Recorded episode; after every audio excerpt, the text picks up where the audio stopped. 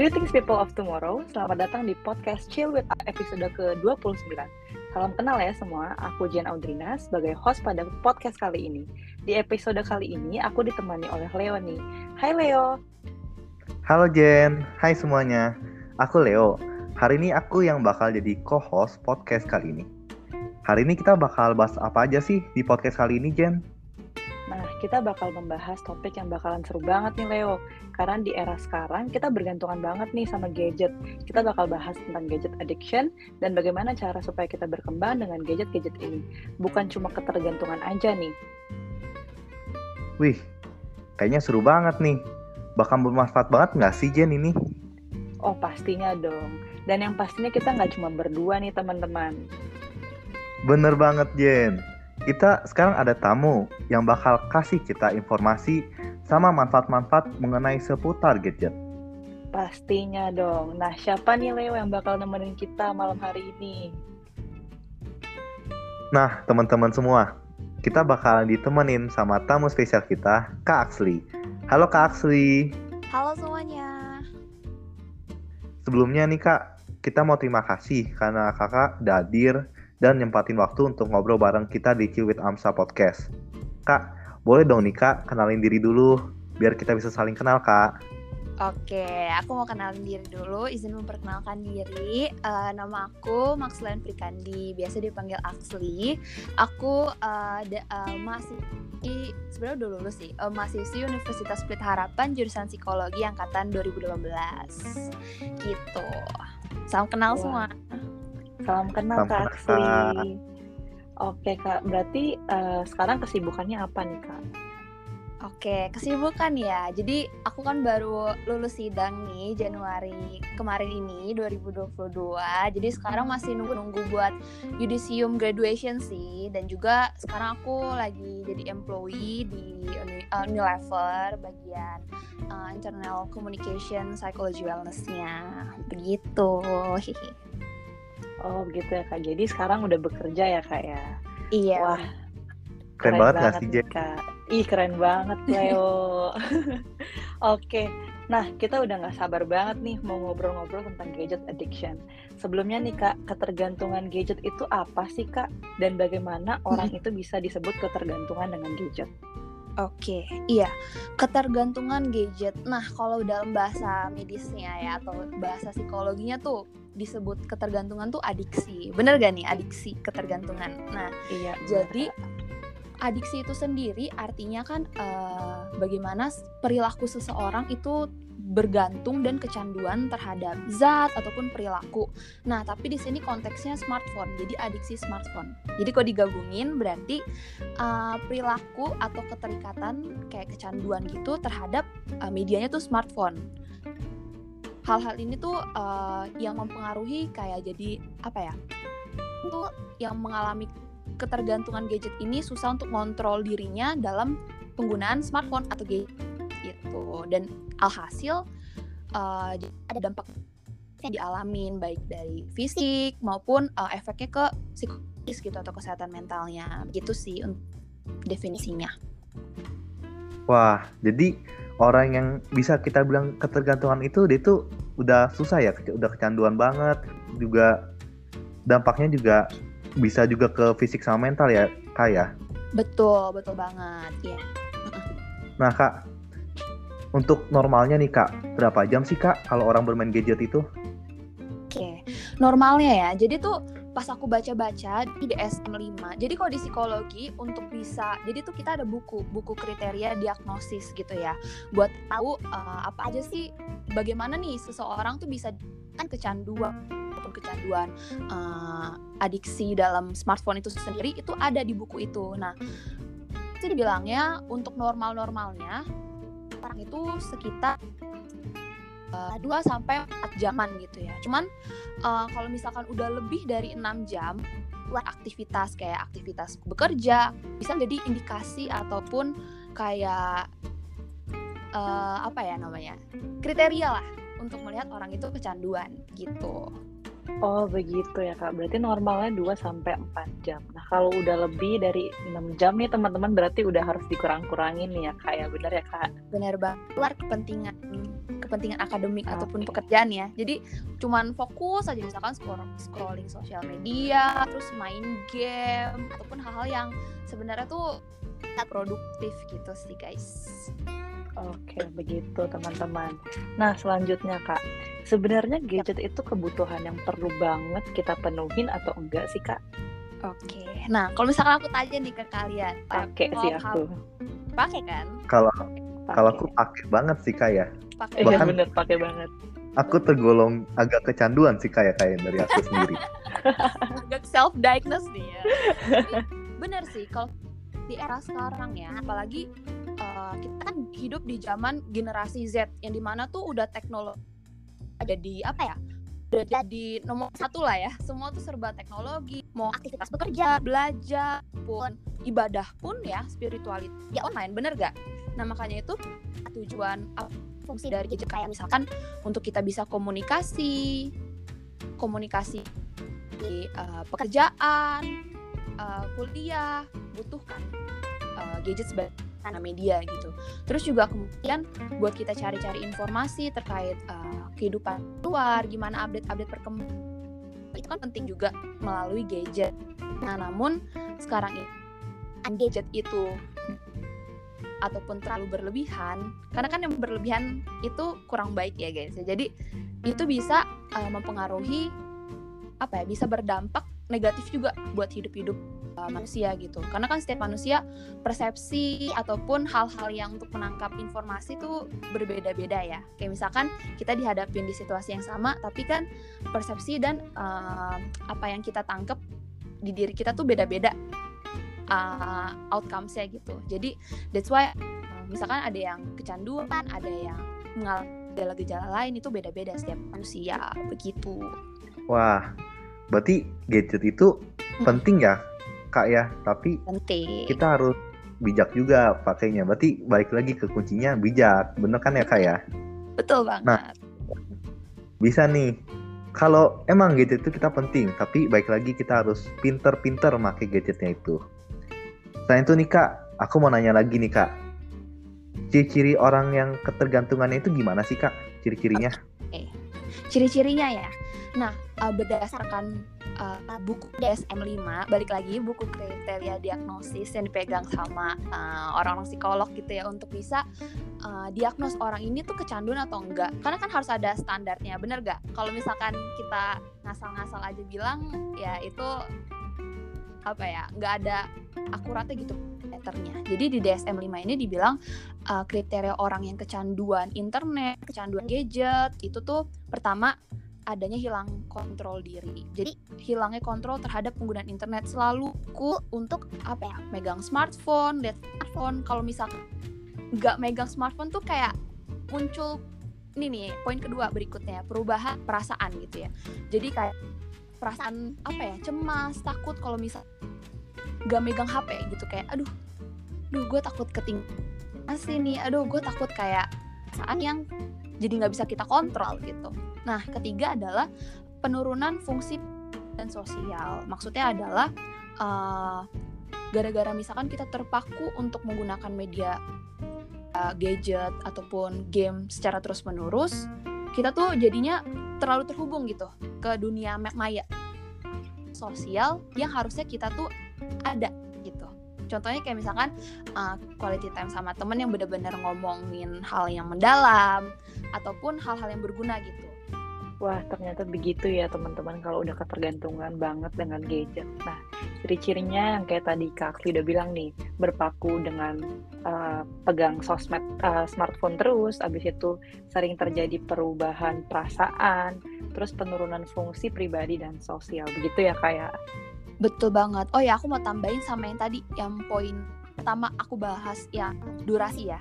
Gimana untuk tahu itu dari frekuensi penggunaan. Lebih dari 6 jam untuk um, bermain sosial media, bermain game di luar aktivitas akademik ataupun pekerjaan itu bisa jadi satu indikatornya. Begitu. Selama bulan. Jadi durasi frekuensinya 6 jam di atas 6 jam itu tuh berlaku uh, secara terus menerus bulan atau lebih dari DSM 5 gitu ya dari buku diagnosnya begitu Wah begitu tuh Matt udah dicatat belum nih Leo?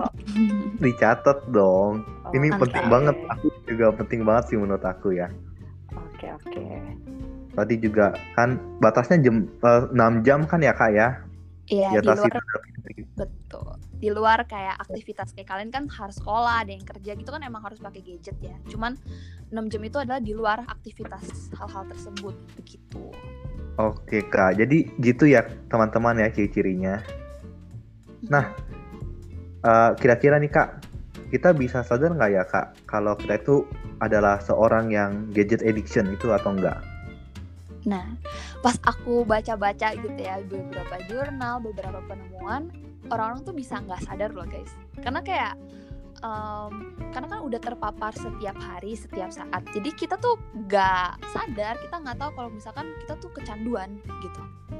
Jadi kita harus apa ya coba refleksiin diri nih kalian cek-cek oh iya ya eh, setelah dengar tadi ciri-cirinya kira-kira hmm, apakah diri kalian seperti itu jadi bukan buat diagnosis diri sendiri ya cuman lebih ke arah antisipasi aja kalian seperti itu atau enggak gitu Oh begitu ya kak. Ya emang kadang kita tuh suka nggak sadar nih kita udah pakai gadget, udah bermain sosial media di bat- batas da- di luar batas dari normalnya.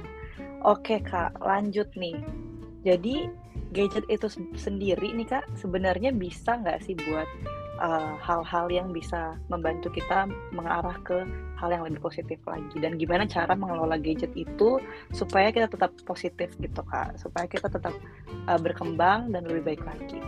Iya, pastinya bisa dong ya. Semua hal tuh pasti ada positif dan negatifnya. Cuman lebih baik kita ambil hal positifnya lebih banyak yang kita lakukan gitu ya. Positif dari gadget banyak ya. Yang tadi hal-hal mendasarnya ya buat uh, bikin kita semakin uh, terhubung sama teman-teman di masa Covid ini. Kalian pasti bosen dong ya belajar di rumah doang, terus um, nggak ketemu teman-teman, bener gak? Benar banget Benar kak. banget. Banget ya. Bosen Bosen banget. banget. Mm-mm, Nah itu salah satu fungsinya juga hal positif kan. Nah kedua buat informasi, terus juga buat hiburan kalian, buat lepasin stres.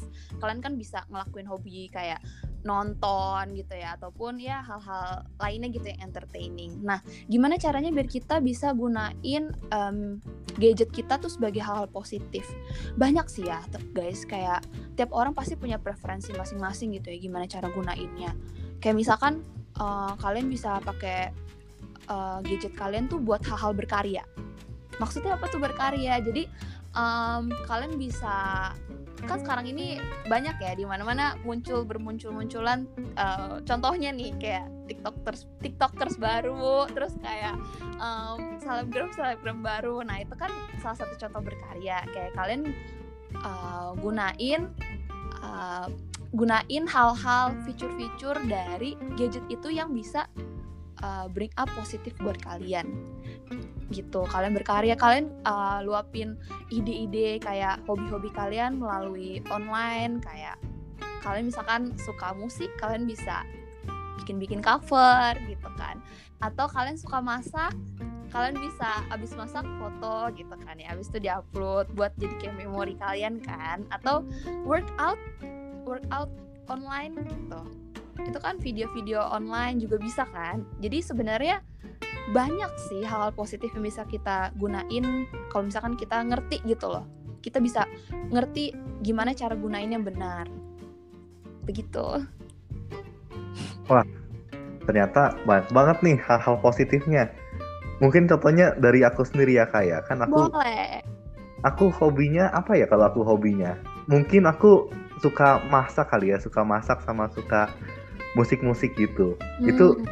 pemakaiannya kan juga kan kalau masak kan aku sukanya nyari resep gitu, entah di YouTube, entah di Google. Kadang ya itu termasuk hal positif juga dong ya kak ya. Iya bener banget Karena kan kamu istilahnya ngelepas stresnya itu dengan cara ngelakuin masak ataupun bermusik ya kan Bukan dengan kayak main game banget yang terus menerus sampai berjam-jam gitu kan It's Iya, betul banget kak. Mm. Oke kak. Nah, kan selain hal positif tadi kan bisa bikin kita berkembang ya kak ya, mengenai hobi, kita bisa lebih berkarya dari gadget-gadget kita itu. Nah, Ya. Jen, kita udah tanya nih dari sisi positifnya. Karena Iya, aku bener mau banget, tanya nih kak, untuk sisi negatifnya kak dari gadget itu sendiri gimana nih kak? Oke, banyak banget gak sih? Kayak apalagi di pandemi ini kan. Pertama karena transparansi informasi bisa ngebuat orang-orang tuh pertama belajar dari informasi yang ada. Kedua bisa jadi makin takut, cemas karena informasinya over apa ya? over information gitu. Ketiga juga banyak ini sih. Kalian tahu kan kayak hoax-hoax kalau di grup-grup WA keluarga Gosip-gosip Wah, gitu ya ya. bener kan? Bener banget. Harga emang paling Pol. Iya, belum tahu benar informasinya udah di forward gitu. Nah, jadi yang harus kita lakukan adalah sebagai generasi yang lebih kreatif dan inovatif ya. Kita generasi-generasi milenial tahu dulu apakah informasi yang kita dapetin itu benar atau enggak. Jadi kita nggak uh, mislead gitu, nggak mislead ke arah yang negatif gitu. Terus juga negatif dari gadget ataupun media sosial ini Kali ya, guys. FOMO. Kalian tahu FOMO nggak? Tahu fear of missing out itu ya kak ya. Yes. Nah, Kok tahu Jen? Aku nggak tahu nih. iya, informasi baru New nih. information nih Leo. Yo. Nah, eh, aku tuh ngangkat FOMO ini jadi variabel skripsi aku.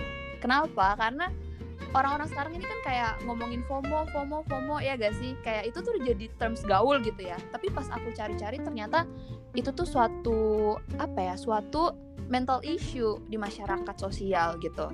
FOMO, fear of missing out. Jadi eh, orang-orang tuh nge- punya perasaan takut untuk ketinggalan zaman. Nilai kalau nggak tahu FOMO itu loh takut ketinggalan zaman takut eh, gak kelihatan keren gitu jadi eh, karena takut itu malah ngebuat orang tuh makin terkoneksi dan terhubung sama gadget sama media sosial karena itu karena gadget tuh jadi salah satu eh, media buat orang tuh bisa tahu dunia luar tahu koneksi koneksi di luar tuh seperti apa coba eh, Jian kan tahu nih FOMO tuh apa bisa kasih tahu contoh nggak FOMO contoh FOMO tuh kayak gimana sih Contohnya nih ya, misalnya nih temen aku pada hangout gitu ya. Terus akunya nggak ikutan sendiri nih. Nah aku tuh FOMO tuh kayak gitu. Bener nggak tuh kak? Iya, contohnya kayak gitu. Jadi kayak, uh orang nggak ikut nggak pergi-pergi kayak, aduh, kok gue ngerasa nggak keren sendiri ya, aku nggak ikutan gitu. Contoh lainnya mungkin, misalkan ada satu orang post di cafe, cafe hits nih, apa gitu ya.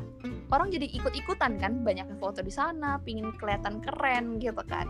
Jadi balik lagi sih lebih ke motivasinya ya, kenapa orang ikut-ikutan gitu le. Misalkan sepedaan, jadi pada ikut sepedaan semua gitu. Wah, Gitu, baru tahu aku kata-kata FOMO ini ya. Jadi Informasi baru ya. informasi baru. Wah, emang podcast ini emang sangat bermanfaat juga ya bagi moderatornya juga ya. Bener. Bener banget nih. Oke kak, ini kita lanjut ke pertanyaan terakhir aja nih kak. Gimana caranya supaya kita tetap stay healthy secara fisik dan mental, dan gimana cara kita tetap stay positif walaupun media sosial tuh kayaknya memberitakan hal-hal yang negatif. Oke. Hmm. Kalau misalkan disuruh kasih tiga kata, oke untuk kita sebagai pengguna media sosial itu kita harus pertama pelajarin, kedua batasin, ketiga edukasi. Jadi maksudnya apa? Pertama pelajarin untuk diri kita dulu nih. Kayak positifnya apa, negatifnya apa. Contohnya ya ini kita belajar dari podcast ini ya guys ya. Kita belajar kayak duh kecanduan tuh seperti apa, ciri-cirinya kayak gimana dan gimana caranya supaya kita tuh nggak sampai kecanduan gitu loh. Nah, kita pelajarin dulu. Nah, setelah kita pelajarin, kita terapin di diri kita. Contohnya misalkan, waduh, iya ya, gue main game terus nih. Aku main game terus nih sampai 10 jam gitu ya, sampai subuh buat push rank misalkan. ya kita batasin kayak uh, cuman mungkin cuman beberapa dua atau tiga jam aja main, nggak sampai berlebihan, nggak sampai ganggu prioritas utama kita yaitu sebagai seorang pelajar ya, belajar ngerjain tugas. Kalau bisa kita fokus ngerjain apa yang ada di, di top list prioritas kita baru setelahnya misalkan kalau kalian mau refreshing ya boleh gitu loh buat main gitu. Dan yang ketiga edukasi. Jadi setelah kita terapin kita tahu nih benefitsnya buat diri kita apa kita bisa lo ajak teman-teman kita ke edukasi ajak teman-teman kita eh coba gini yuk apa? gitu. Untuk batasin penggunaan-penggunaan yang tidak baik untuk diri. Kayak kita udah tahu kita ya sebarin gitu informasi kayak podcast ini juga kan kayak Nih kakak. edukatif banget gitu Bener banget nih Kak. Wah, kita hari ini udah ngobrol dari hal yang negatif sampai hal yang positif mengenai gadget itu sendiri. Buat kita generasi muda nih, semoga gadget bisa jadi salah satu wadah untuk kita berkembang ya. Bener banget nih Jen. Ternyata banyak hal-hal positif nih yang bisa kita salurkan lewat sosmed tadi. Kan contohnya itu lewat kita bisa berkarya, kita bisa asah hobi kita. Mah, mungkin dari aku masak-masak, dengar musik. Selain itu juga mungkin aku mau sedikit ini ya, agak apa? Sedikit review-review ulang ya. Tadi kan batasnya 6 jam ya kak ya kita kalau main gadget tuh bisa dibilang channel itu batasnya dari 6 jam itu kan ya kak betul di luar aktivitas. Mm-mm. Selain itu juga tadi susah juga ya kita kalau ke channel itu emang mengontrol diri itu kadang nggak sadar gitu kalau kita tuh udah kecanduan. Wah, udah seru banget nih podcast kita hari ini. Terima kasih banyak ya kak karena udah ngasih waktu kit- untuk menyempatkan hadir di sini bareng kita ya kak. Iya, aku juga thank you udah diajak buat ngobrol-ngobrol bareng sama kalian tentang uh, mental issues, tentang mental health. Semoga ya uh, podcast teman-teman yang dengerin bermanfaat juga buat moderatornya dan aku juga sendiri. Amin kak. Pasti bermanfaat banget lah ini pasti. Wah Jen, udah habis waktu kita nih bakal ngobrol-ngobrol tentang gadget addiction ini. Wah iya nih Leo nggak terasa ya, kayaknya kurang nih waktunya ya. Nah sekali lagi terima kasih nih Kak Axley udah mau berbagi ilmu di podcast kali ini. Semoga kita bisa bertemu lagi di kesempatan yang lain dan sehat-sehat terus ya Kak Axley. Iya, thank you. Stay healthy, stay safe ya semua.